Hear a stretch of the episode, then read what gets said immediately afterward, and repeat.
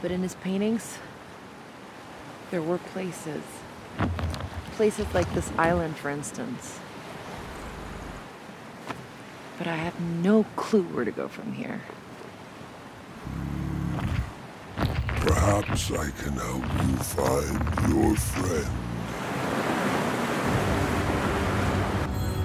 Well then. Good luck.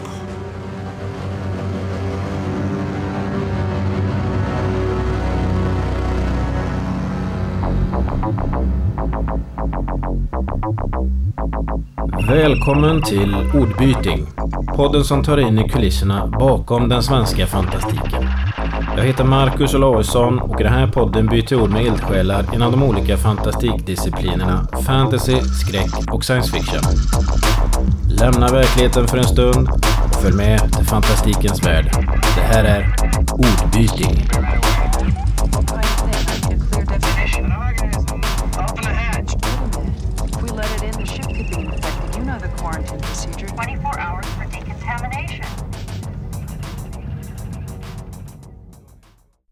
Inom begreppet fantastik ryms många olika kreativa uttryck. Och eh, hittills har jag kanske främst eh, haft författare och spelutvecklare som gäster här i Ordbyting. Men i dagens avsnitt så har jag bjudit in cosplayern och eh, även filmregissören Henrik Pilerud. Som har vunnit många priser med sina fantastiska skapelser. Låt oss lyssna vad han har att berätta. Hej och välkommen Henrik! Tack så mycket. Ja, cosplay, vad är det för någonting? Jag utgår väl egentligen för att de flesta som lyssnar på det här vet vad det är. Men vi kan väl förklara ändå. Vad är cosplay och vad innebär det för dig? Ja, precis. Cosplay är en förkortning av orden costume play och precis som, man, som det låter så handlar det om, om att klä ut sig, leka med kostymer. Mm. Eh, ofta eh, klär folk ut sig till välkända karaktärer från filmer, spel, tv-serier och så vidare. Populärkulturella eh, figurer. Det är det vanligaste så, eh, som, som folk gör. Mm. Och vad, vad innebär cosplay för din del? Ja, precis. En källa till glädje kan man väl säga. Um, klä ut sig, eh, jag tänker mig så här, de flesta klär säkert ut sig till, till vad man nu klär ut sig till som barn. Eh, ninjor och prinsessor och, och, vad det nu kan tänkas vara. Eh, men så kanske de flesta slutar lite med det när man blir äldre. Och det, eh, för mig har det väl hängt kvar eh, i olika former sådär. Och det gjorde det kanske fram till runt en 18 års ålder ungefär. Och då man eh, var med på lite medeltidsmarknader och sånt där var väl det sista för mig där man var någon slags riddare och sådana saker. Mm. Eh, men sen har jag plockat upp det där igen som, som, som vuxen och eh, började för några år sedan, en, sju, åtta år sedan. Eh, men efter mycket moget övervägande så skaffade jag mig en, en stormtrooper-rustning, en vit soldat från de äldsta Star Wars-filmerna en karaktär eller typ av karaktär som hängt med mig sedan sen barndomen och som man liksom alltid har tyckt varit häftig. Ja. Så det var liksom ingången för mig och jag upptäckte att det gick ju faktiskt att skaffa grejer som var väldigt bra, som såg ut precis som de klivit utifrån filmen. Men det kostade ju såklart en del pengar. att Lägga typ 10 000 på, på en dräkt som man inte riktigt vet vad man ska göra med kanske eh, inte något man kastar sig över. Så jag funderade något år innan jag till slut skaffade den där. Ja. Och eh, då kände jag till att det fanns en förening eh, som fanns i lite utspridd i hela världen som heter 501st Legion. Som är en direkt och välgörenhetsorganisation eh, av Star Wars-fans som klär ut sig till ondingar ifrån Star Wars och gör välgörenhetsarbete, samlar in pengar till eh, organisationer som hjälper sjuka och utsatta barn och så. Så det blev liksom mitt sammanhang, att jag gick med i den här föreningen och på så vis behövde jag inte göra det här helt själv när man var med på en, en mässa och sådana evenemang första gången och gå runt där och vara utklädd för man, man kände sig ju lite, lite sådär, det var lite, lite ovant första gången. Så var det skönt att vara tillsammans med andra. ja. Är det Sci-Fi World då? Eller var de första mässorna för någonting? Mm, det var det som var det allra första. Det var Sci-Fi World i Stockholm 2011. eh, som jag första gången jag, jag använde min stormtrooper-rustning i, i, i de här sammanhangen. Och eh, ja, det var början. Och sen, eh, sen vart det många fler gånger och eh, under åren mellan då och nu så har det väl varit kanske mellan 5 och 20 tillfällen per år som man har varit med på olika evenemang som har på något vis något med cosplay att göra. Det är ganska många om man går åt siffran 20 i alla fall. Ja, jo det har det varit. Det har varit eh, att det näst, nästan blivit, blivit, blivit liksom för mycket eller vad man ska Ja. säga. Kan man ha för mycket roligt? eh, Det, det kanske man kan om det blir... Man har ju det där andra livet också som tar tid och energi eh, som ska göras med jobb och annat. Så, så det är klart att man... eh, Ja, eh, det, det kanske kan bli, kan bli bli så att man nästan inte ser fram emot utan man känner oj oj oj nu var det ju dags igen och den här grejen och på hit och dit. Så man får väl hitta en liten lagom balans i det. Så. Ja, då är det väl kanske dags att backa och hitta det som är roligt igen kanske. Ja men precis. Nej men så. Sen nu på, på senare, de senaste två åren så har jag kommit igång mycket med att göra film igen och då, då har jag inte liksom riktigt räckt till. Mitt, både mitt skapande och mitt eh, uttryck och mitt eh, allmän tid för pyssel och sånt har liksom minskat. Så då har det fått bli lite mindre cosplay-evenemang under den här tiden. Men Mm. man, ja, man räcker bara till så mycket så man får, får välja lite. Men nu stundar ju Star Wars-premiär här så då blir det ut i Star Wars-dräkt såklart och eh, vara med där. Så Lilla att, julafton. ehm, Eller stora ja. julafton kanske. Ja, precis. Lilla julafton, den 24. Ja. Eh, ja, nej men visst är det så. Eh, så det, det ska bli kul. Så då, då får det bli lite i direkt. Blir det i Västerås då eller? Vart? Ja, precis. Ja, jag och ett gäng andra av oss eh, i, i föreningarna här i, i Västeråstrakten kommer att vara med på premiären här. Eh, så vi tror att det kan bli nästan, nästan uppåt tio stycken. Blivit ett ganska stort gäng här så att eh, det, blir rätt coolt. Mm. Så det blir kul. Och om man blir nyfiken på det här med 501st och så, så så kommer jag länka lite grann på ordbyting.se som, som jag alltid gör i anslutning blir- till eh, poddavsnitten då. Och eh, jag har faktiskt pratat Mm. med dem lite grann tidigare på eh, Comic Con i, i våras. Eh, eller i maj var det väl. I, i Göteborg. Så det var Ja, trevligt. precis. Eh, om, om man nu blir nyfiken på det här och cosplaya Stormtroopers och så. Är det köpa direkt som är det vanligaste insteget? Eller hur?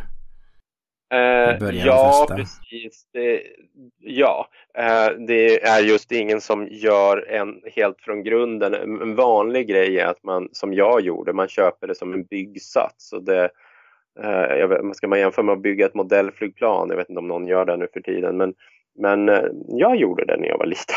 Mm. man får en massa plastdelar och så får man limma ihop dem och så får man måla lite. Ehm, så det är ett ganska vanligt sätt. Det, eh, inom, liksom, inom de här föreningarna och liksom hela det här communityt så finns det många människor som, som gör olika grejer och så, så kan man få tag på lite olika bitar från olika håll. Eh, det finns någon som specialiserar sig på det lilla handskyddet i gummi som, som sitter på Stormtrooper-handsken Mm. som gör jäkligt sådana. Så då köper man det från henne och så köper man någon annan grej från någon annan. Och, eh, vissa grejer kanske man kan, kan i ett underställ hitta i någon vanlig butik eller något sånt där. Och, eh, och så grejar man och plockar ihop eh, ofta sådär. Det finns ju även vissa eh, licensierade produkter att köpa och, och med tiden nu har ju också vanliga ska man säga, leksaker blivit bättre och bättre. Eh, så, så leksakstillverkarna har tillgång till samma 3D-modeller som, som filmproduktionen hade och då, det blir ju en helt annan kvalitet på grejerna nu alltså som har kommit de senaste åren. Så till och med där kan man hitta saker som kan vara användbara. Ja, och man kanske inte måste vara screen accurate från start. Man kan satsa på vissa detaljer och Ja, bygga på det- sin kostym. Det kan man om, man om det bara handlar om att cosplaya i största allmänhet. Då kan man ju Mm. bygga av vad som helst eller skaffa precis utifrån sin egen förmåga. Eh, och det är inget fel i det. Eh, det. Det viktiga är att man gör och har roligt. Men för de här föreningarna då som 501st Legion och eh, Rebel Legion som motsvarigheten heter för, eh, för den goda sidan. Mm. Och sen så har vi också här i eh, har vi en organisation som heter Real Icon som är för allting som inte är Star Wars. Eh, för att många många av oss som gillar Star Wars gillar annat också och det finns de som vill göra de här välgörenhetsgrejerna och, fast inte kanske är Star Wars-fans. Så det finns en klubb för dem också. Men, men det som är gemensamt för alla det är att, att man ska vara så, i princip se ut som att man klivit rakt ut från, från filmduken, då, det som man kallar för screen accurate, alltså att det ser ut väldigt likt där man såg på, på skärmen, på tvn, på, på bioduken. Mm. Och det sätter ju lite krav på det och det gör att det kanske inte är för alla liksom, utan det kräver ju att man har råd att lägga både tid och pengar på, på sina dräkter.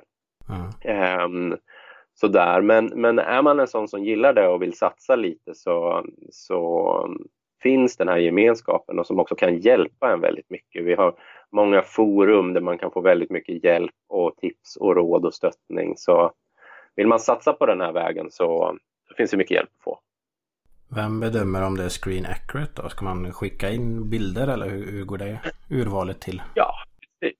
När man har sin direkt färdig eh, så tar man kort på den och sen skickar man in det till den person som är ansvarig eh, för bedömningar.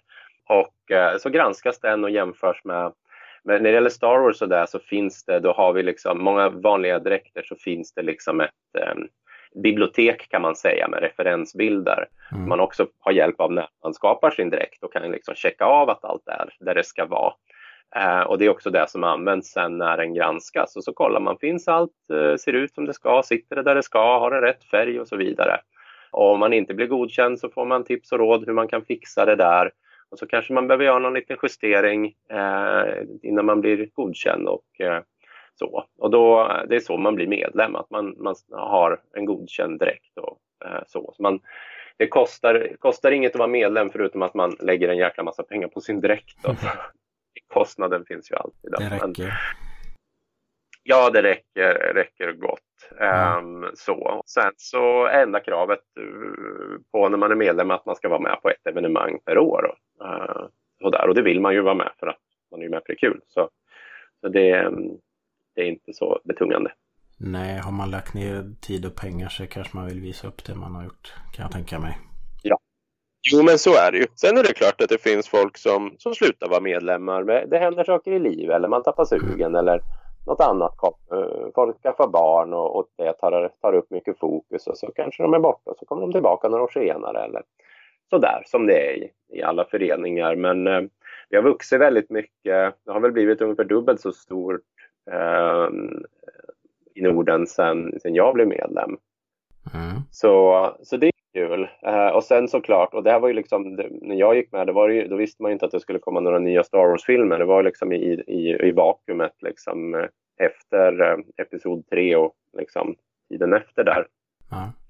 Så, så då var ju inte Star Wars jättehett. Så nu är det ju liksom igång på ett helt annat sätt med med massor med saker. Så det har väl gjort att det ökat intresse också mycket just de senaste åren nu när det kommer mycket nya grejer och gör det aktuellt på ett annat sätt.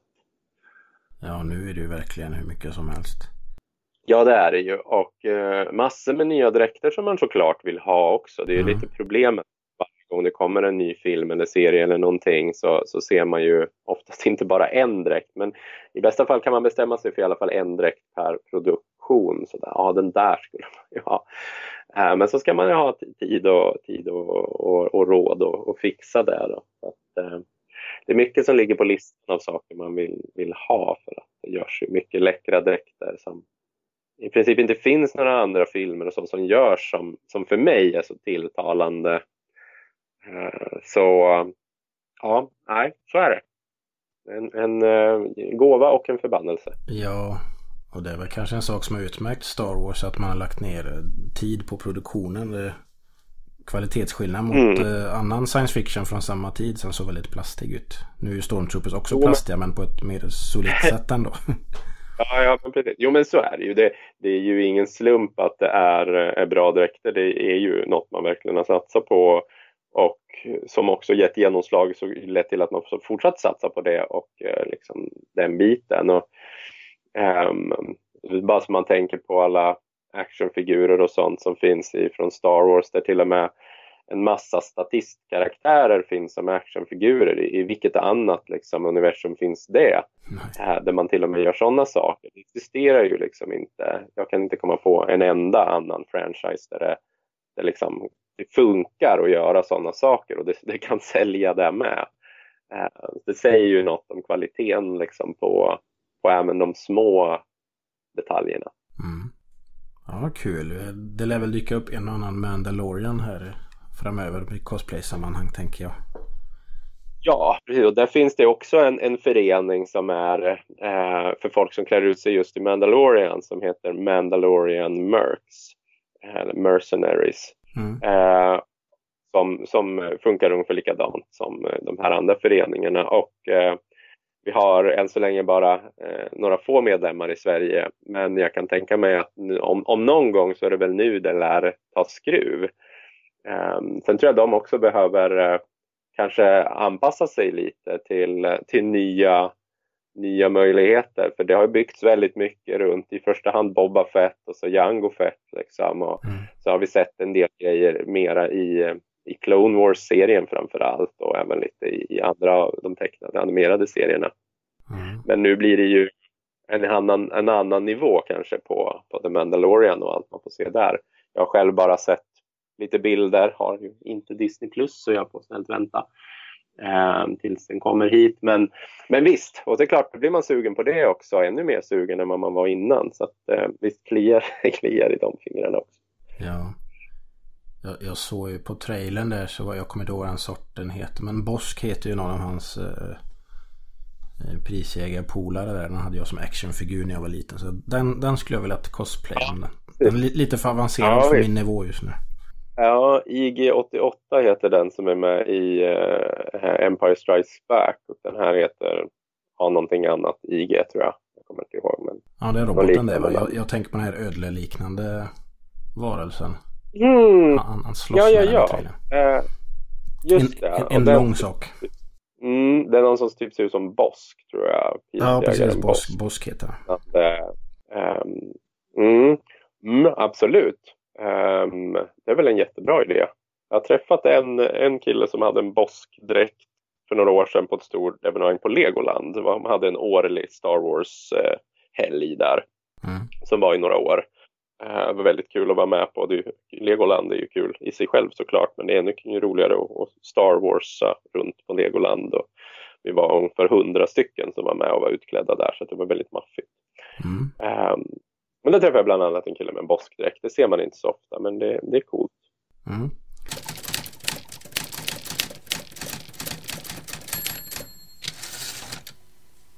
Legoland för mig osökt in på Lego Benny då. Det, mm. det var nog den direkt som jag upptäckte dig med. Ja. Eh, kan du berätta lite uh, om den? Det kan jag göra. Det är min, uh, ja, det är väl min, det är min senaste dräkt som jag har byggt helt från grunden i, i, i cosplay-syfte. Och eh, det är alltså då en blå eh, astronaut av 80-talsmodell eh, som ser ut som, som Benny från Lego-filmerna. Eh, så. Och ehm, jag hade tänkt i flera år på att det skulle vara kul att göra en Lego-dräkt. Eh, Lego är ju något man har eh, är kärt sedan barndom och även nu som vuxen. Och, eh, och jag har inte sett någon som gjort en riktigt bra Lego-dräkt och även de de har på Legoland, de är lite andra proportioner på för de ska vara lite mer praktiska. Men jag vill, jag vill att det ska vara precis som en uppförstorad legogubbe eller så nära man bara kan komma. Mm.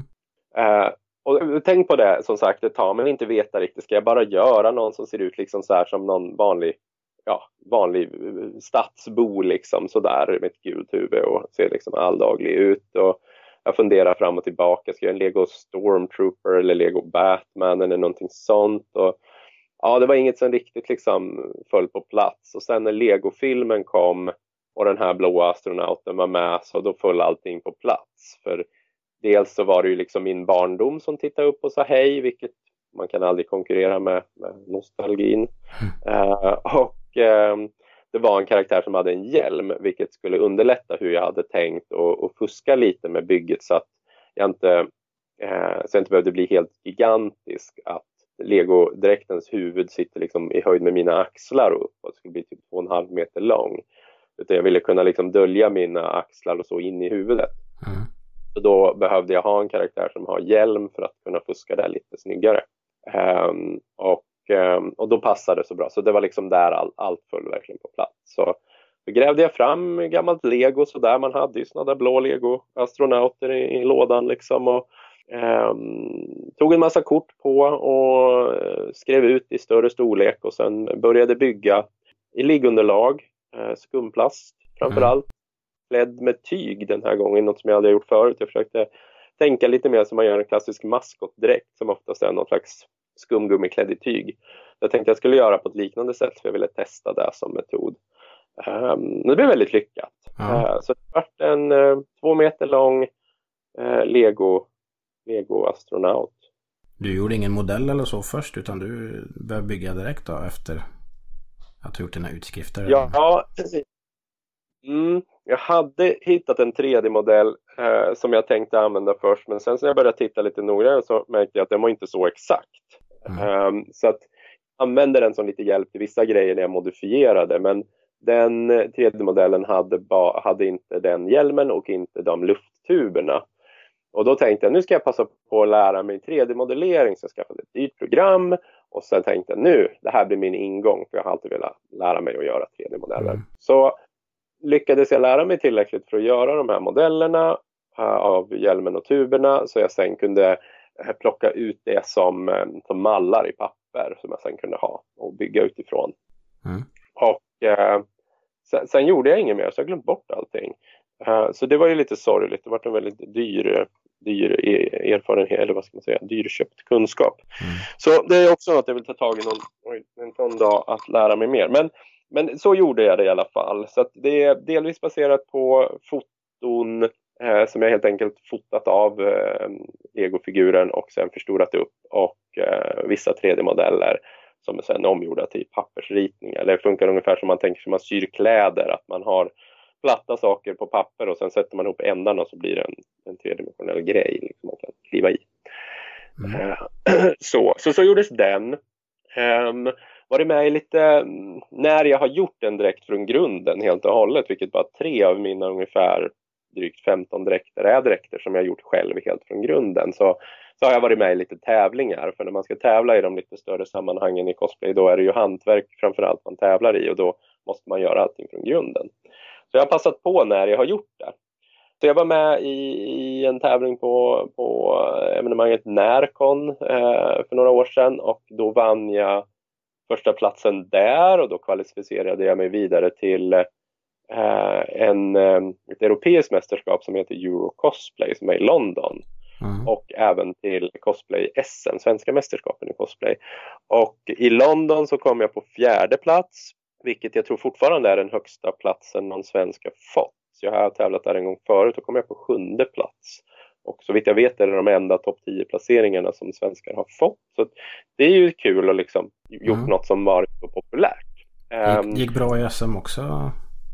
Ja, i. SM kom jag, ja det gjorde det. I SM kom jag tvåa och då gick jag vidare till Nordiska mästerskapen så fick jag vara med där också. Där var det inget pris men, eh, men jag har varit med där och eh, så det känns väldigt roligt. Mm. Det är ju liksom den högsta nivån i, i, i Norden och eh, också de tävlingarna är, skulle jag säga, de, de mest välorganiserade som jag har sett någonstans i världen. Eh, så när det gäller en snygg scenproduktion.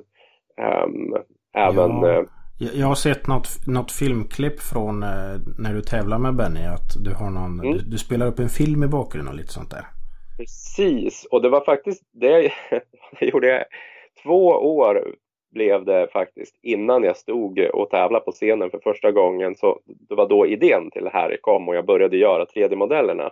Mm. Sen kom det lite annat emellan så att eh, jag, jag var tvungen att gå en utbildning för, för mitt lärarjobb så då, då la jag eh, stora cosplayplaner åt sidan ett tag. Så att det, det blev ett två år liten paus där i byggandet av Benny men jag hade ritningarna klara och jag hade gjort en stop motion animerad Lego-film som Mm. var tre minuter lång. Eh, Jag visste att det brukar vara två till tre minuter som är den längsta tiden för ett framträdande. Så jag gör en tre minuter, jag kan alltid klippa ner den.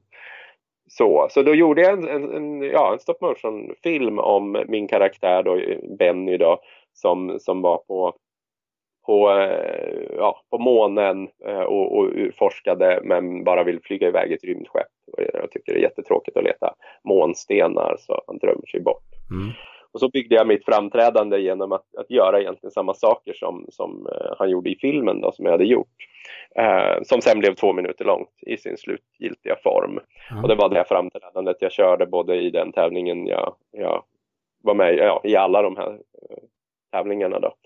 Eh, så alla fyra, fyra gångerna så var det samma framträdande. Det gjordes några små justeringar på filmen bara och jag byggde till en här, walkie-talkie till jag ville ha någonting nytt så här. Så att jag byggde en, en klassiska walkie-talkien, Lego walkie-talkien. Vilket eh, är en en och en halv meter lång grej när man bygger den i den här skalan. Mm. så den vart ju väldigt stor och ganska klumpig ehm, för att gå runt och hålla i och så. Men jag lyckades väva in det där i alla fall i framträdandet. Så. Det blev väldigt lyckat. Jag ska få med en länk till det så får ni tittare eller lyssnare faktiskt gå in och titta på det här tycker jag. Det är mycket Ja. sevärt. Ja, jo men den var rolig. Ehm, jag har mest gjort så allvarliga eller läskiga framträdanden förut med, med alien-monster och, och en Space Marine från figurspelet Warhammer 40 000. Så nu var man liksom en så här sprallig astronaut som är lite så tokig. Så det Mm. var väldigt annorlunda för mig eh, som framträdande att vara liksom lite så här hyperaktiv och spexig. Så, ehm, ja, det är kul att testa lite nytt.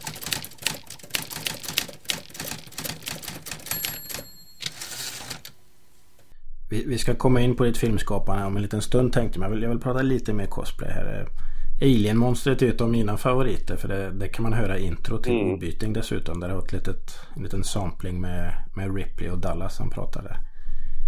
Eh, Mhm. vad, vad hade du för utmaning med Alien-monstret? Det, det ser inte ut att vara en Ja. enkel dräkt i alla fall. Nej, det är det inte. Ehm, det, mest, det, den komplicerade grejen är huvudet. Ehm, för det är där allting eh, krångligt sitter. Resten eh, var enkelt och enkelt, men det, det kändes som något jag verkligen kunde behärska. Det handlar mest om att limma fast lite olika bitar skumplast på en, på en spandexoverall. Mm. Ehm, men huvudet är ju stort och jag ville ha både en rörlig haka, en tunga jag kunde sträcka ut. Jag ville ha en genomskinlig skalle med, med en dödskalle i och så, som, som på originalet. Mm. Vilket eh, också inte är något man bara gör sådär enkelt. Eh, och så ska allting funka och ha på huvudet och gå runt med och så ska man kunna se någonting och, eh, och så vidare. Så det var många utmaningar med huvudet och ehm, jag brukar säga som tips, börja med det enklaste. Eh, så lär man sig sen vartefter. Men i det här fallet så kände jag att ja, men resten har jag redan koll på.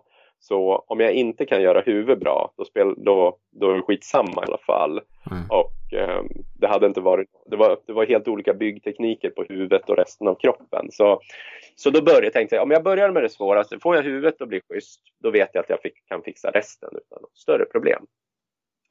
Så jag började med det och eh, det skulpterades i, eh, i frigolit. Det finns så här, inte så vanlig vit bubblig frigolit utan en lite mer finkornig används som typ golvisolering finns på byggvaruhus. Mm. Ehm, och den är väldigt um, tacksam och man kan tälja i den och slipa med. Man jobbar ungefär som man gör med trä fast det är väldigt mycket lättare att eh, ja, bearbeta då, för att det är lätt. Ja. Ehm, så Det blir inte så Jag- tungt jag- på huvudet heller kan jag tänka mig. Nej, precis. Nej, och det är ju också absolut en fördel. Ehm, så jag letar på lite referensbilder på, på dräkten och titta i filmen var ju ganska värdelös för där ser man ju inte mycket. Ehm, så, och det här är baserat på första Alien Monster från, från första filmen och, och den versionen. Den ser lite olika ut i alla. Man ser Alla. aldrig riktigt att det är en dödskalle genom det här blanka. Nej, det, är ser mer man på, inte så på bra foton i och sånt man ser det. Mm, man, nej, ja precis. Och eh, jag tror de, de målade nog lite på själva plastkåpan så att den är lite silverskimrande ser den ut som i filmen. Det är olika i olika scener. Mm. Ehm, finns tillfällen när den inte är det minsta genomskinlig som i slutet när den ligger och sover. eh, för att den ska smälta ihop såklart med rören den ligger vid där. Hade man sett en dödskalle hade man ju sett direkt att den var där, så där målar de den ju helt. Men, så det varierar lite från scen till scen. Men, men um, det finns bilder från själva produktionen eh, när de byggde dräkten där man ser väldigt tydligt hur den ser ut på insidan. Så Ja, jag hittade lite bilder och sen så skrev jag ut det där i den skalan jag skulle bygga det. Eh, skådisen som, som var i dräkten, han var 2,10 lång och det är ju inte jag. Så att jag fick ju skala ner det till, liksom, till min storlek. Mm. Men ändå för att få det så proportionerligt som möjligt. Då. Um, och sen så skrev jag ut det helt enkelt på, på papper så att jag hade mallar från sidan och framifrån och så kunde jag rita av det där på min rigolitkloss och sen så började börja med en bandsåg och sen började jag tälja med en kniv och sen slipa med, med sandpapper och så tills jag fick skulptera till den där formen. Jag hade också en actionfigur som var väldigt detaljerad som jag kunde titta på för jag hade bekräftat att den var otroligt välgjord så att alla små detaljer på dräkten stämde med, det, med fotona från produktionen. Liksom. Så att jag kunde lita på det. Så det var också en bra hjälp för att kunna ha en fysisk sak och kunna titta från olika håll på. Mm. Um, så då fick jag liksom en frigolitklump då, som, som var grunden till huvudet. Sen eh, utifrån det så var det flera vändor av att göra saker. Um, jag gjorde en avgjutning av den så att jag fick eh, en avgjutning av huvudets översida i gips. Så jag sen kunde gå till ett företag som gjorde vakuumformning där man alltså tar man värmer upp en stor plastskiva och sen suger man fast den mot en modell och då får den den formen. Uh, och kunde så göra genomskinliga plastavgjutningar av toppen på huvudet som jag sen kunde då sätta dit på huvudet och så skulpterade jag till själva dödskallen och den biten under. Um, jag fick uh, hjälp av en kompis med uh, som kan mer om elektronik, lite sådär om servon och sånt, vad jag kunde använda för något um, till, uh, till själva tungan. Uh, för det var något jag funderade på ganska länge. Hur ska jag ens få plats med en konstruktion för, för en utskjutbar tunga? Mm. Uh, och efter att ha Munnen i munnen? På, munnen i munnen, ja precis. Tungan har ju eh, tänder. Det är ju spännande eh, konstruktion på varelser. Men det är, det är ju otäckt på film så det funkar bra. Eh, så det vill man ju ha. Det är en så ikonisk grej med Alien Monster att den skjuter ut sin tunga. Så, så det, det, det vill man ha. Um, nej, men så jag klurade väldigt länge på hur jag skulle få plats med själva mekaniken men så kom jag på att huvudet är ju väldigt stort bakåt så då kom jag på att jag kan sätta liksom mekaniken bakom huvudet och sen så går en vajer som en, um, om man tänker sig en handbroms på en cykel eller en mm. såkvajer till en bil. Um, så ja, som en ståltråd som går i en plastskena som kan då sitter en arm som puttar på den och så skjuts den ut framför och så sitter den hopkopplad med en teleskopisk tunga som mm. puttas ut. Så den kommer ut, eh, ja, den rör sig ja, någon dryg decimeter. Jag tror helheten är ungefär 15 centimeter och den sitter liksom 5 millimeter från min nästipp. Så den är så lång den bara kan vara. Eh, och sen precis så att den går in och så man kan stänga munnen. Så, eh, när man gör film kan man ju fuska sådana här saker på lite olika sätt. Då måste man ju inte alltid kunna ha en skådespelare i till vissa närbilder. Så jag behövde göra något som funkar på mässgolvet. Det är alltid en annan utmaning som en filmskapare inte behöver bry sig om. Det gör ju det där lilla extra att kunna skjuta utan det var klart man går runt och skräms. Ja, men det gör det ju. Ja, jo, det, det ja, väldigt viktigt. Så, men jag fick till en konstruktion och som sagt så fick jag lite, lite tips där om vad, vad, vilka servon och lite så styrning till det där som man kunde använda. Så jag trycker, jag har en knapp som sitter framför min mun så att jag trycker med min tungspets på en mm. knapp för att tungan ska åka ut. Uh, och så länge jag håller den intryckt så är tungan ute. Så att det är en tungstyrd tunga. Ja, ja. Då, får, då, då går du in i rollen man... mer kanske. ja, men verkligen. Så då kan man komma ihåg om man ser mig stå i dräkten och räcka ut tungan, då räcker jag ut tungan inuti dräkten också. Det är en intressant bild att ha i huvudet.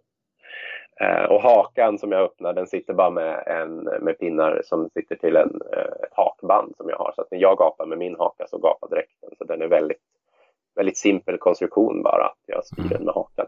Jag, jag gapar och räcker ut tungan, då gapar dräkten och räcker ut tungan. Mm. Så det, väl, det, var ju en stor utmaning. Det var ju flera utmaningar i det där som var både dyrt uh, med, med vakuumformningen eftersom jag fick gå till ett företag som jobbar med sånt där så kostade det några tusen lappar att få det där gjort. Liksom. Men då fick jag ett, ett gäng sådana där, så jag tror jag hade ungefär tio stycken kåpor. Någonstans mellan fem och tio. För, det, för dem spelar det ingen roll i kostnad om de skulle göra en eller tio liksom, när de ändå gör det. Mm. Eh, Så att jag har gett bort flera stycken till, till lite olika folk i olika länder. Ehm, bland annat en, en konstnär i, i England som gjorde någon slags konstinstallation där hon använde den till det var, var någon slags stol där man kunde sätta sig och liksom stoppa in huvudet i något alien-huvud liknande och så var det några lampor som blinkade där och det var något, något konstnärligt och spännande. Jag har gett en till, det finns en väldigt välkänd cosplayare som heter Yahya Han eh, som är en väldigt välkänd amerikansk cosplayare. Hon har varit med i den här tv-serien som gick va? Ja, precis. Det har hon varit. Och hon är väldigt, He- Heroes of ja, Comic Hon har Con? varit runt. Heroes of Cosplay. Heroes of Cosplay, så. Eh, ja. Uh, nej, så hon skulle göra någon, någonting alienaktigt. Uh, så hon fick ett sånt där också som jag skickade över till USA. Um, ehm, och ja, de hamnade. Så jag, jag har sparat så att jag vet att jag har någon i reserv ifall jag skulle råka ut för en olycka. Liksom. Men de andra har försvunnit iväg till olika andra. Och det är ju sådär, cos- alltså, cosplay community, det är ju fantastiskt med att folk delar med sig så mycket. Väldigt, väldigt hjälpsamt och väldigt generöst och väl, en väldigt eh, som en solidarisk anda, en väldigt anda av, att, av, av gemenskap. Och Mm. folk gladeligen delar med sig av sina processer, inte bara för att få följare på sociala medier såklart, utan också för att, ja men för att om jag delar med mig av det och någon annan delar med sig så, så, att, så har jag lärt mig massor och många har lärt sig mycket av mig genom att jag har sett andra och andra har sett vad jag har spridit sådär. Så ehm, fantastiskt. Ja, jag följer en del på Instagram. eh, Camus i cosplay bland annat. Eh, Ja visst. Vad heter hon? Svetlana. Hon är ju väldigt... Eh, Ja, delar med sig och ger ut böcker och grejer. Så det kan jag ja rekommendera ju, titta på för Ja, absolut. Ehm, jo, och jag har följt henne sen, sen innan hon hade alls börjat satsa så mycket på det. Ehm, och så där, och när hon liksom var lite i startgroparna och man och jobbade med material som man själv inte hade sett och man tyckte det där var ju schysst och så. Mm.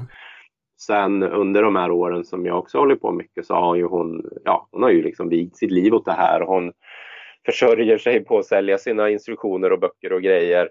Eh, och det är ju, det är ju fantastiskt liksom att göra det, för det är ju eh, att dela med sig på en annan nivå. Liksom. Det är en sak Mm. att lägga upp bilder och så, men att göra ordentliga instruktionsfilmer och böcker så, det kräver en hel del jobb. Liksom. Man slänger inte bara ihop det. Så det är kul att det finns de som, som vill göra det och lägger tiden på det och göra det så ordentligt. Mm. Så det är spännande, ja men absolut.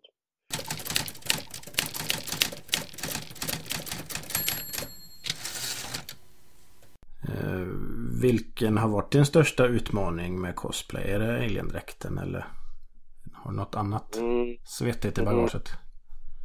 Alltså den dräkt som man tar, jag har lagt mest timmar på att göra det är min Space Marine rustning ifrån Warhammer 40 000. Ja. Ehm, det var också min första dräkt jag byggde helt från grunden som vuxen. Ehm, jag vet inte, det är klart hade det varit min senaste dräkt hade den väl kanske gått fortare än om den hade varit den första. Men för att man lär sig saker. Men, men den har ju dels gjorts och sen modifierats och förbättrats och fått nya vapen och tillbehör i olika omgångar. Så att um, den dräkten har jag totalt lagt någonstans uppåt 500 timmar på. Alien-dräkten är någonstans runt 250 timmar och eh, Benny eh, klockade in på, tror jag, strax under 200 timmar. Så att jag har ju fått kommit ner lite i tiden på de här stora byggena ändå. Mm. Ehm, och det är ju skönt så. Men, eh, men ja, så, så på så vis har väl den varit den största utmaningen. Men den enskilt mest komplicerade grejen är absolut alien-huvudet som jag beskrev nyss. Då, att, eh, med alla olika eh, den har visserligen inga alla lampor och så, men att den har rörliga delar och den har genomskinliga delar och den har eh, ja, mekaniska och elektriska grejer i sig. Så det, mm, Mm. det är det. Vilken annan cosplayers dräkt önskar du att du själv hade gjort? Eller kanske inte gör men... Är Eh. någon du är särskilt impad av? Oj, det finns, ja, det finns ju många saker man ser. Eh, nu kommer jag inte på någon bra grej att berätta precis just nu.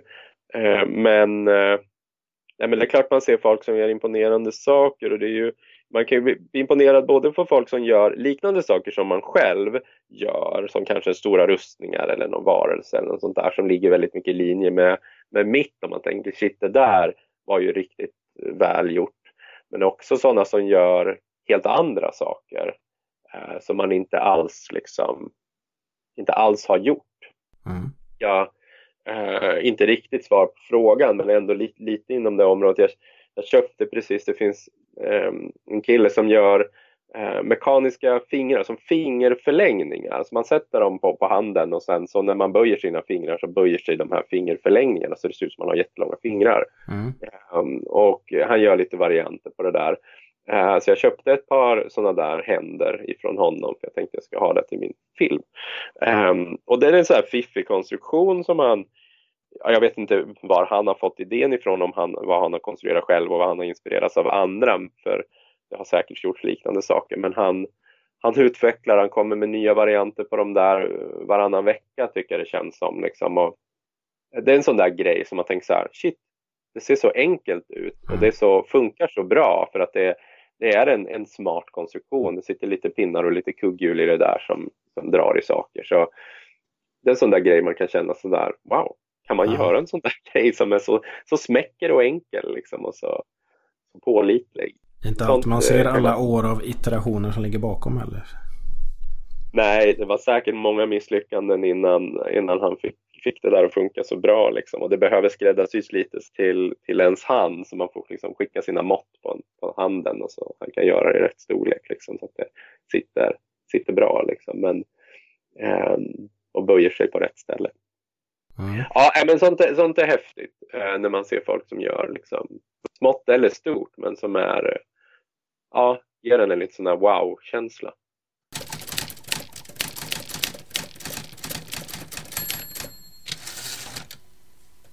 Jag var och lyssnade på, du hade föredrag på Svekon i, när var det? Maj, juni någon gång i år.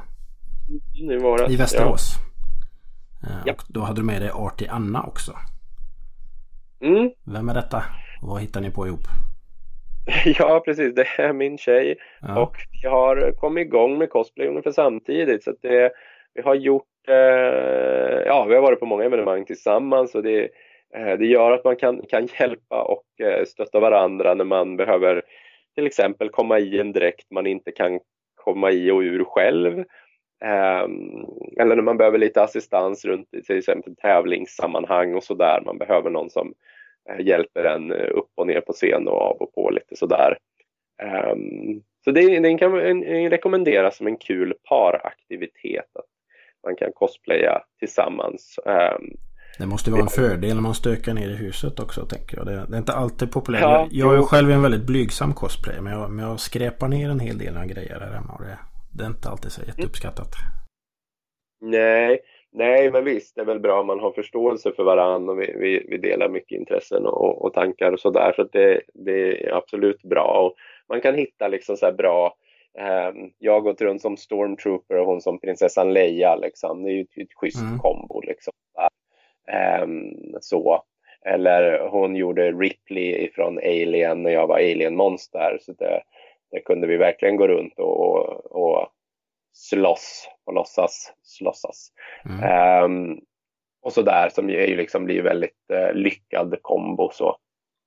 Sådär, så måste man ju inte matcha varandra. Man kan ju vara från olika universum. Men det kan ju vara lite extra kul sådär när man gör någonting som hör ihop. Ja. Mm. Det, det är det. Och sen i cosplay. En annan grej som är kul med cosplay tycker jag när man gör crossovers. Liksom och tar och mashar ihop någonting som egentligen inte alls hör ihop. Och bygger direkt Mm. utifrån det liksom. Det kan man göra. Det är inte riktigt min grej. Ehm, så eh, kan jag väl säga. Men, men man, visst hittar folk på lekfulla blandningar av saker. Jag är väl lite, vad ska man säga, lite hardcore på något vis så att jag tycker ju om Darth Vader för att Darth Vader är Darth Vader, Mm. inte för att man har blandat Darth Vader med, vad vet jag, Batman. ingen, ingen steampunk Darth Vader för dig. Nej, nej precis. För steampunk kan ha så mycket coola grejer i sig och Darth Vader är cool i sig. Så att, ehm, men om man kommer in i och för sig på, på just steampunk och sådana evenemang, där är det ju väldigt många som klär ut sig eller klär upp sig eh, beroende lite på kanske vad, vad man föredrar att kalla det i de sammanhangen. Ehm, eh, sådär. Eh, och där är det ju en annan liksom, tradition. Eh, och det är väl för att det inte finns så mycket, finns inte så mycket förlagor att klä ut sig till. Så där är istället traditionen att man hittar på sin egen stil. Mm.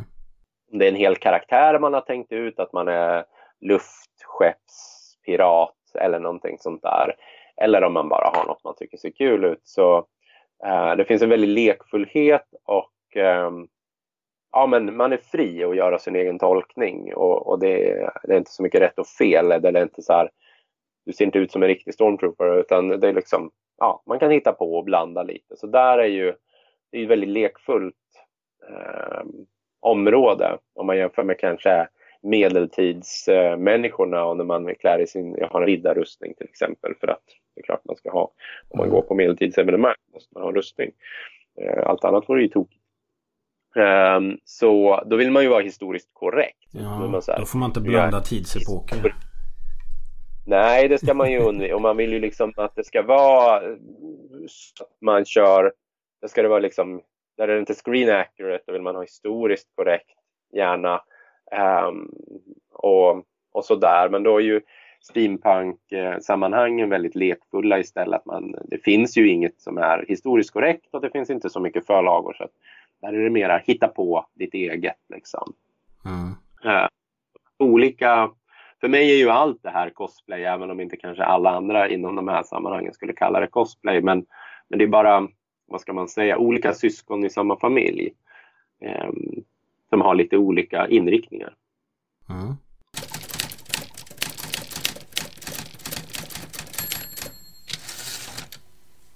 Vi, vi pratade ju förut om, eh, om din lilla Lego Benny-film här och du har gjort andra kortfilmer och musikvideos har jag även sett. Men nu, du håller även på med långfilm.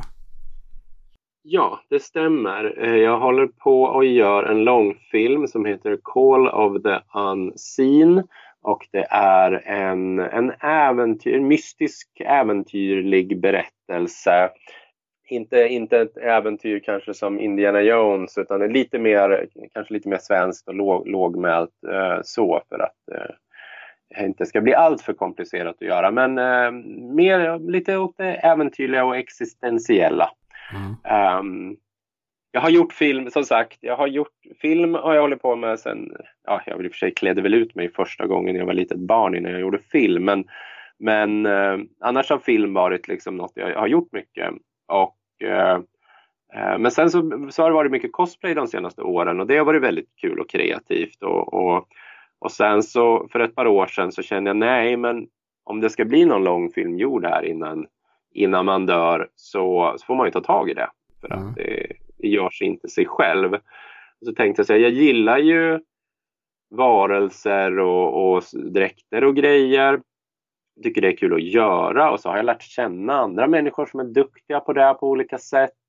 Och så tycker jag om att göra film och berätta historier. Hmm, jag gör en film med varelser i. Mm. Smart, tänkte jag. Uh, så på den vägen är det. Så att jag började skriva. Um, man kan väl säga att berättelsen är ganska H.P. Lovecraft-inspirerad. Blandat med kanske lite Tove Jansson, Astrid Lindgren. Um, sådär. De här som liksom um, skapar världar som kan vara där det kan finnas lite saker och lite varelser och väsen som inte vi vanligen ser och det är liksom helt naturligt. Liksom. Det är inget konstigt mm. att det står hattifnattar där, liksom. de, de bor där, det är så. Mm. Uh, och jag, jag gillar sådana såna världar. Filmer är väl lite lika med kanske uh, tecknade filmer som Spirited Away och den typen av att någon hamnar ut i, i, i en resa ut i det okända och möter allehanda varelser och, och uh, saker och växer som människa under resan. Ehm, den typen av, av historia. Ja. Ehm, så, så ja, jag började med att skriva, det tog ett halvår ungefär och sen, sen efter det har det fortsatt att finputsas på skrivandet parallellt med produktionsprocessen. Men, men eh, vi började spela in det första för ganska precis ett år sedan och sen har det blivit lite etappjobb med det där. Så vi planerar och förbereder, bygger räkter och hittar platser och hittar skådespelare och allt vad man behöver och så spelar man in lite och sen så planerar man nästa vända och så spelar man och så har det blivit någon slags etappgrej. Det kanske inte är det normala sättet riktigt att göra men jag har jag insåg efter att jag får inte plats med allt det här i huvudet. Um, jag, får ta en bit i taget och på den vägen är det. Det var väl så Bad Taste gjordes? Eh, det är möjligt. Jag har inte riktigt så bra koll faktiskt på Jag hans tror han höll men- på i sju år. Ja, det låter rimligt. Jo, men det är väl lite samma sak. Och han, eh, Peter Jackson är ju också en sån där person som är lite sådär, ja men lite påhittig och lite så här, m- vad ska man säga, allkonstnär så som, som eh, ja men gjort mycket, mycket med lite eh, Mm. i början. Liksom. Eh, och om Bad Taste är en bra film eller inte kan man väl fundera på, men det är i alla fall eh, det är ju inte långtråkig liksom. Och det händer mycket och det är hus som är rymdskepp och allting liksom Ja. fiffigt gjort med miniatyrmodeller och, och hit och dit liksom göra alla de här grejerna. Och det la grunden för en hel filmindustri i Nya Zeeland får man ju även ta i Ja, men verkligen. Hade, precis. Han hade någonting där som man kanske kunde skratta åt, men jag menar det var ju det som var grunden för eh, allt med Sagan om ringen och det här. Ehm, han hade den där kreativa galenskapen som, som behövs för att ro i land sådana jättestora projekt. Så Jag såg, fantastiskt bra. ja, jag såg att du även har beviljats filmstöd från Västmanlands regionala filmverksamhet tror jag det kallades. Mm, ja, precis. Det är ju, det är ju där är ju, det är väl två stora frågor som alla filmskapare liksom brottas med och det är finansiering och distribution. Du Mm. behöver pengar för film och sen vill du att kunna få ut filmen så folk kan se den och i bästa fall då kan ge pengar tillbaka. Eh, och där är jag väl inte alls i hamn än. Eh, men det har varit en process av att det var också liksom en idé med att börja med att spela in lite och eh, sen kunde man klippa ihop lite och göra någon slags pilot eller trailer eller demo eller vad man vill kalla det för att kunna visa lite så här, det här är lite tanken med det här, det här är lite stilen, känslan, stämningen och hantverket kan man visa att vi kan göra filmscener som ser ut som filmscener och, och hela den biten sådär. Så söker man hit och dit. Um, från Svenska Filminstitutet är ju den stora grejen man söker pengar ifrån men också där det är svårast att få. Um, så där, så det var en vända med ansökningar under våren. Eh, med från, från olika håll med bidrag som inte blev så, mycket napp på. Fick ett litet bidrag från, eh, från Region Västmanland som räcker till ungefär en halv procent av budgeten. Mm. Så men är många bäckar små. Ja, Eh, Allt roll liksom. Ehm, det är väl och, svårt med genrefilm också kan jag tänka mig. Ja, det är ju så här, det är det svåra med att göra något udda. Är det liksom så här, oh vad positivt, någon gör något annorlunda, det vill vi gynna. Eller mm, någon gör något Mm. udda, det här var konstigt. Nej, det tror vi nog inte på. Man möts ju av båda sorterna. Mm.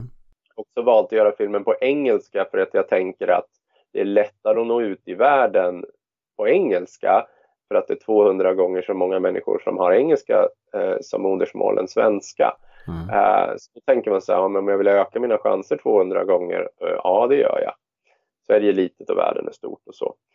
Så, så det är också någonting, men det är inte normalt att göra så. Inom musikbranschen är det jättenormalt att svenska artister gör musik på engelska och det går bra utomlands och så vidare. Men filmbranschen är inte liksom med på det tåget. Eh, Men det är något som börjar komma lite mer. Det är flera liksom Mm. yngre filmskapare som har liksom börjat köra den grejen. Och, Ehm, jag tror att det kan växa. Ehm, en del tycker ju att ja, men svensk film är ju, den enda styrkan är ju att det är lite exotiskt och folk pratar svenska och, och vi fångar det svenska. Men jag tänker så här, man kan, man kan fånga det svenska, det har inget med språket att göra. Vi kan lika gärna prata engelska men ändå ha, ha mystisk nordisk mytologi och annat i det här som gör att det blir något väldigt nordiskt och svenskt över det Mm eh, som en styrka men, men vi kan berätta det på ett språk som är mer tillgängligt. precis som man kan läsa en översättning av en bok. Liksom. Jag, jag vill inte läsa en rysk bok på ryska, jag kan inte mer än två ord på ryska. Uh, så det ger mig ju ingenting. Um, så. Men jag, översättningen blir ju i samma berättelse. Mm. Sådär. Så det, det är tanken liksom. Eh, Vad handlar då. filmen om? Det kommer vi aldrig in på. Ja, den handlar om eh, att ge sig ut i det okända och, och upptäcka att det kanske inte är så himla farligt om man vågar. Eh, vi följer en konststuderande tjej som eh, är väldigt bekväm i sin, sin trygga miljö runt omkring hemma där hon bor. Hon målar, eh, målar av lite hus i kvarteren och tycker att det, det är väl alldeles tillräckligt och, och bekvämt och behagligt och så. Um, men gallerierna i stan, de tycker att det kanske inte är så vansinnigt spännande och, och, och kreativt och det hon gör utan att det är nog lite småtråkigt ändå. Um, men så där rasar hennes värld lite, att hon, Mm. hon tänker på att eh, hon hon har gjort flera hundra sådana här målningar. Liksom. Ja, men det spelar ingen roll om du har hundra tråkiga eller en tråkig. Liksom. Det kanske inte så spännande. Mm. Så, så det kraschar lite för henne där. Men hon går på en konstskola så hon tar hjälp av en, en konstlärare där som, som eh, är lite mörk och mystisk. Han målar väldigt kusliga motiv som är väldigt kontrast mot hennes eh, akvarellmålade hus. Eh, så hon tänker att ja, men han kan nog hjälpa mig att hitta något nytt. Eh, och han går med på att jo, jo, han kan vara mentor för henne. Ehm, han berättar lite om sina tavlor som han målar utifrån mystiska visioner och mardrömmar han har. Sådär.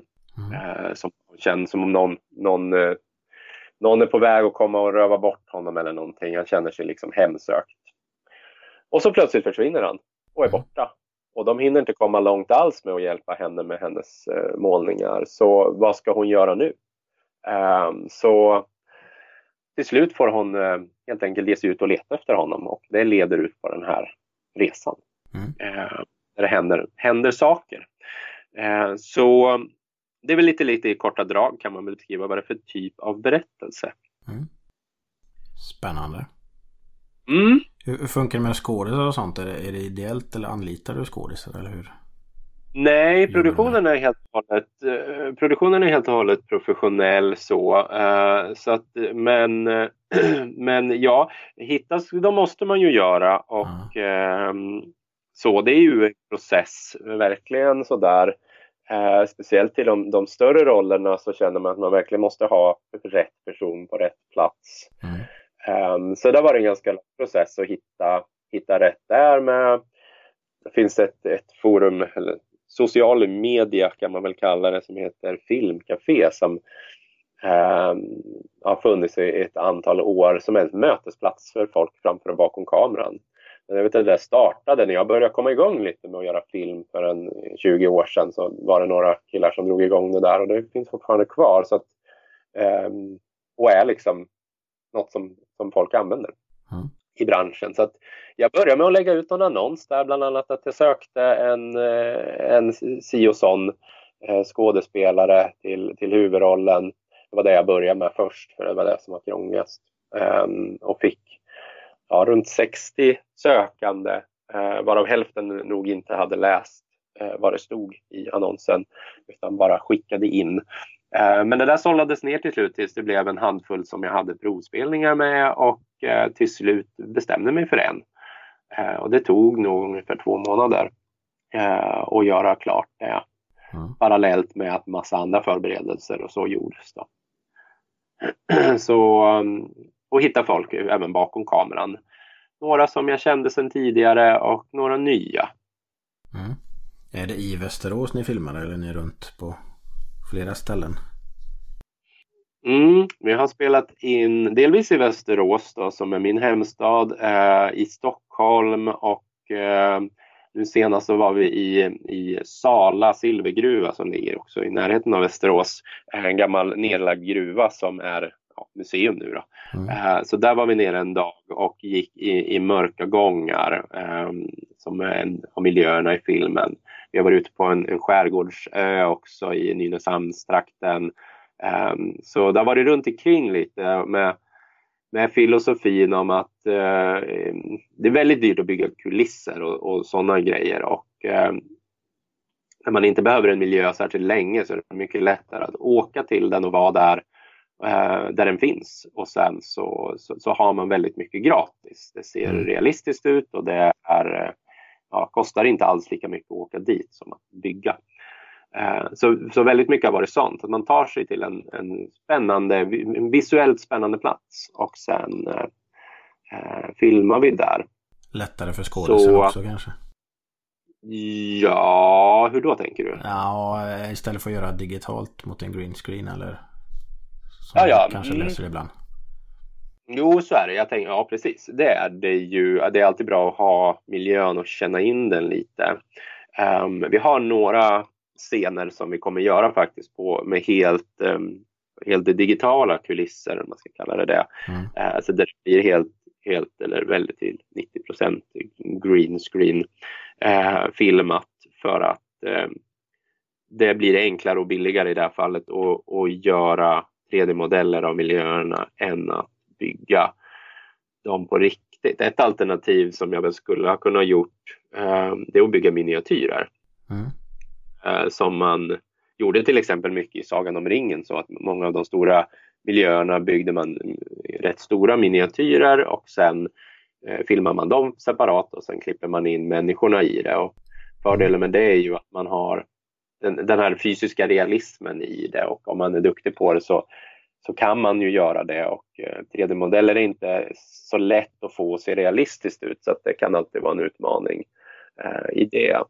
Eh, Men, men här är tanken att ha eh, lite så. Men det allra mesta i filmen är väldigt praktiskt med, med varelser som är människor i dräkter eller handdockor eller den typen av grejer. eh, Och, eh, och så praktiska effekter och fysiska ting. Men vissa grejer är för, för, ehm, ja, för opraktiska Mm. för att kunna göra eh, praktiskt så att säga.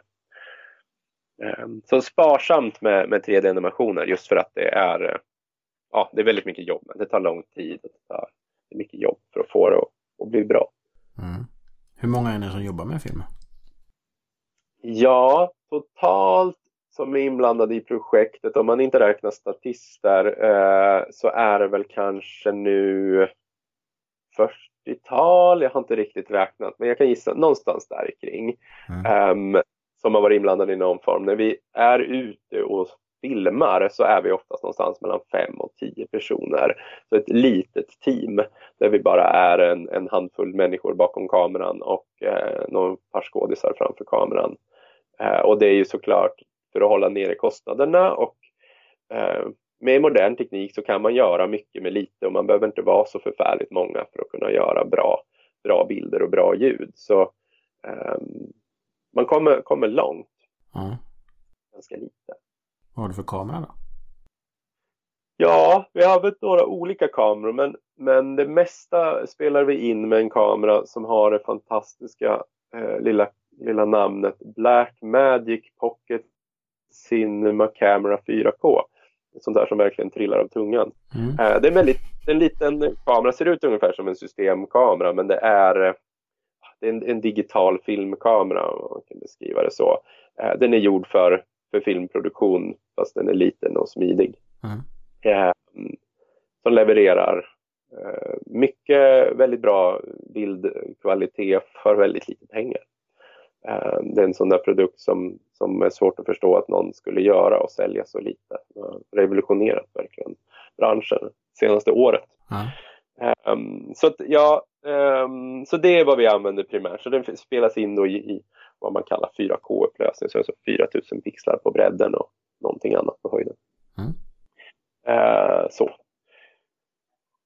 Vad, Så är det. vad är nästa steg nu då med Call of the Unseen här? Ja, vi har en dryg handfull inspelningsdagar kvar. Vi kommer landa på någonstans mellan 25 och 30 inspelningsdagar totalt. Eh, och det ska vi väl klara av här under vintern in på våren. Eh, och parallellt så har vi i olika omgångar filmat och sen har det klippts och så har det filmats och så har det klippts sådär. Så att det finns ungefär en timme eh, klippt film som också parallellt nu ljudbearbetas och görs ljudpålägg och sånt. eh, Medan vi fortsätter att filma resten. Så att det jag behöver göra nu är att vi behöver göra vissa viss rekvisita som behövs till det vi ska ha kvar och spela in. Mm. Eh, och eh, de som jobbar med 3D-modeller och sånt behöver göra en del sådana grejer klart som vi också behöver inför det. Och eh, sen så boka in och spela in de här sista inspelningsdagarna. Och sen blir det ju klippity klippa ihop allt det här och få allt på plats. Så någon gång där runt sommaren eh, räknar jag med att det ska kunna vara, vara typ klart. Och då kommer det att ha tagit ungefär två och ett halvt år från, från början. Då. Eh, vilket är en rätt normal tid för att göra en långfilm. Mm. Um, Blir det något cosplayande mellan varven eller är det helt på is just nu då? Ja, det blir lite mellan varven. Nu blir det ju inför Star Wars-premiären här då som är snart eh, beroende på när man hör det här programmet. Men det är runt i december då som det är. Um, och uh, det, ja, det lite, lite sådär. Några gånger har jag hunnit med uh, lite olika typer av grejer och det kommer det ju fortsätta med. Men uh, ja, man får pussla lite med tiden så man vill liksom inte man vill inte bränna ut sig på, på de roliga sakerna så att säga så man får, får eh, ja, anpassa. Mm. Uh, har du något du själv skulle vilja ta upp här? Eller har vi fått med allt?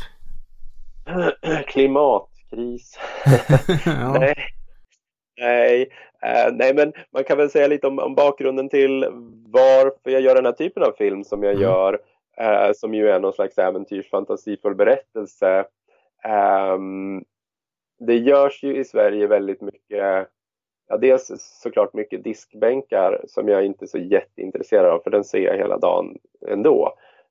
Um, och uh, kriminaldraman görs det mycket och såklart en hel del som är bra. Men där känner jag att jag behöver inte bidra med det.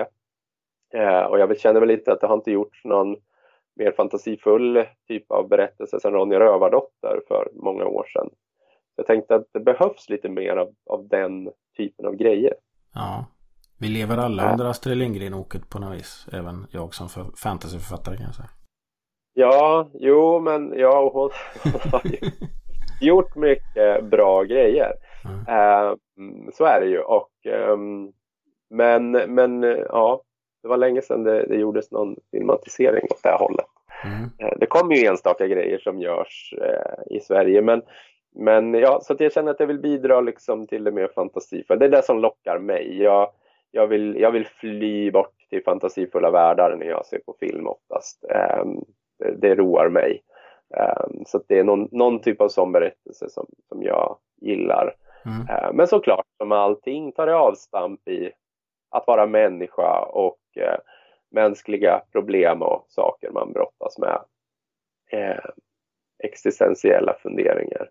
Mm. Eh, så det är både, både djup men även en yta som är rolig att titta på, som är fantasifull och lekfull och, och kuslig och spännande på det sättet. Mm. Ja, det är kul. Mer, mer genrefilm åt folket. Där, där har kanske ja, norrmännen varit lite mer framåt med Trolljägaren och, och Död ja, snö och de här. ja, precis. Eh, jo, men så är det ju. Och jag menar, det är ju... Det blir ju alla... Det är inte alltid det blir, blir jättebra, men, men det är ändå roligare när folk försöker. Och jag skulle uppskatta om det gjordes mer sånt. Och det är väl också en sak jag någonstans bevisar i det här också, att det behöver inte vara jättedyrt. jag gör film för, för betydligt mindre pengar än en normal svensk långfilm. Mm. Uh, och då kan ändå folk få betalt. Så, så det går liksom att göra. Om man är lite smart och lite påhittig och, och, och samlar lite duktiga människor så kan man göra rätt mycket utan att det behöver liksom vara liksom så här miljardbudget Hollywoodfilm. Liksom. För det är ju så, det är så extremt mycket pengar. Det går liksom inte att föreställa sig ens vad allt, alla pengar går till. Men det är väl i och för sig bara att titta på hur långa eftertexterna är så ser man Ja, hur många som ska ha betalt. det är en stor apparat är dyra Det är ju en skådespelare kanske. apparat. Jo, visst är det så. Men, men, men man kan. Mm. Ehm, man kan göra mycket med, väldigt, väldigt mycket mindre. Ehm, så det är väl lite att bevisa det också att, eh, att det, det finns. Det går. Ja, och det rör lite på sig. Vi fick ju nyligen eh, två stycken science fiction-filmer här. Eh, Ensamma i rymden som är mer en barnfilm. Men med väldigt snygga effekter för sin budget. Mm. Och så kom ju den här Aniara-filmen också. Den har jag inte sett men den är väl också lågbudget då. Så det, det, det är kul att det finns sådana som som vågar Jo, satsa på det. Absolut. Nej men ja men precis, jag håller med. Det, det är kul att det görs lite grejer som eh, Aniara och Ensamma i rymden som, som eh, man inte är van att se göra så mycket i Sverige. Det har typ det mest eh, avancerade sci-fi är typ så här sommarlovsprogrammen för några år Mm. sedan. Så det känns som att eh, det, det går att göra mer än så. Eh, julkalendern behöver väl inte vara enda äventyrliga liksom, per år. Nej. Nej, precis. Ja, men lycka till Henrik Pilerud och tack för att du ville vara med i ordbyting. Tack så mycket. Det tar vi och säger hej där. Hej hej! Tack för att du har lyssnat på Ordbyting. Du hittar avsnittets länkar och fler avsnitt på www.ordbyting.se.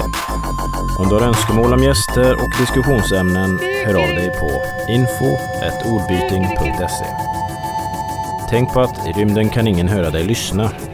Så om du gillar avsnittet, sprid det gärna i sociala medier. Tack och ha det bra.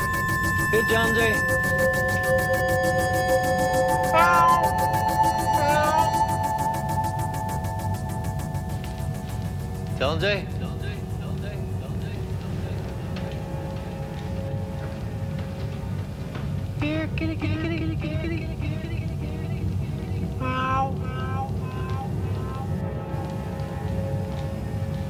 Here, Jonesy.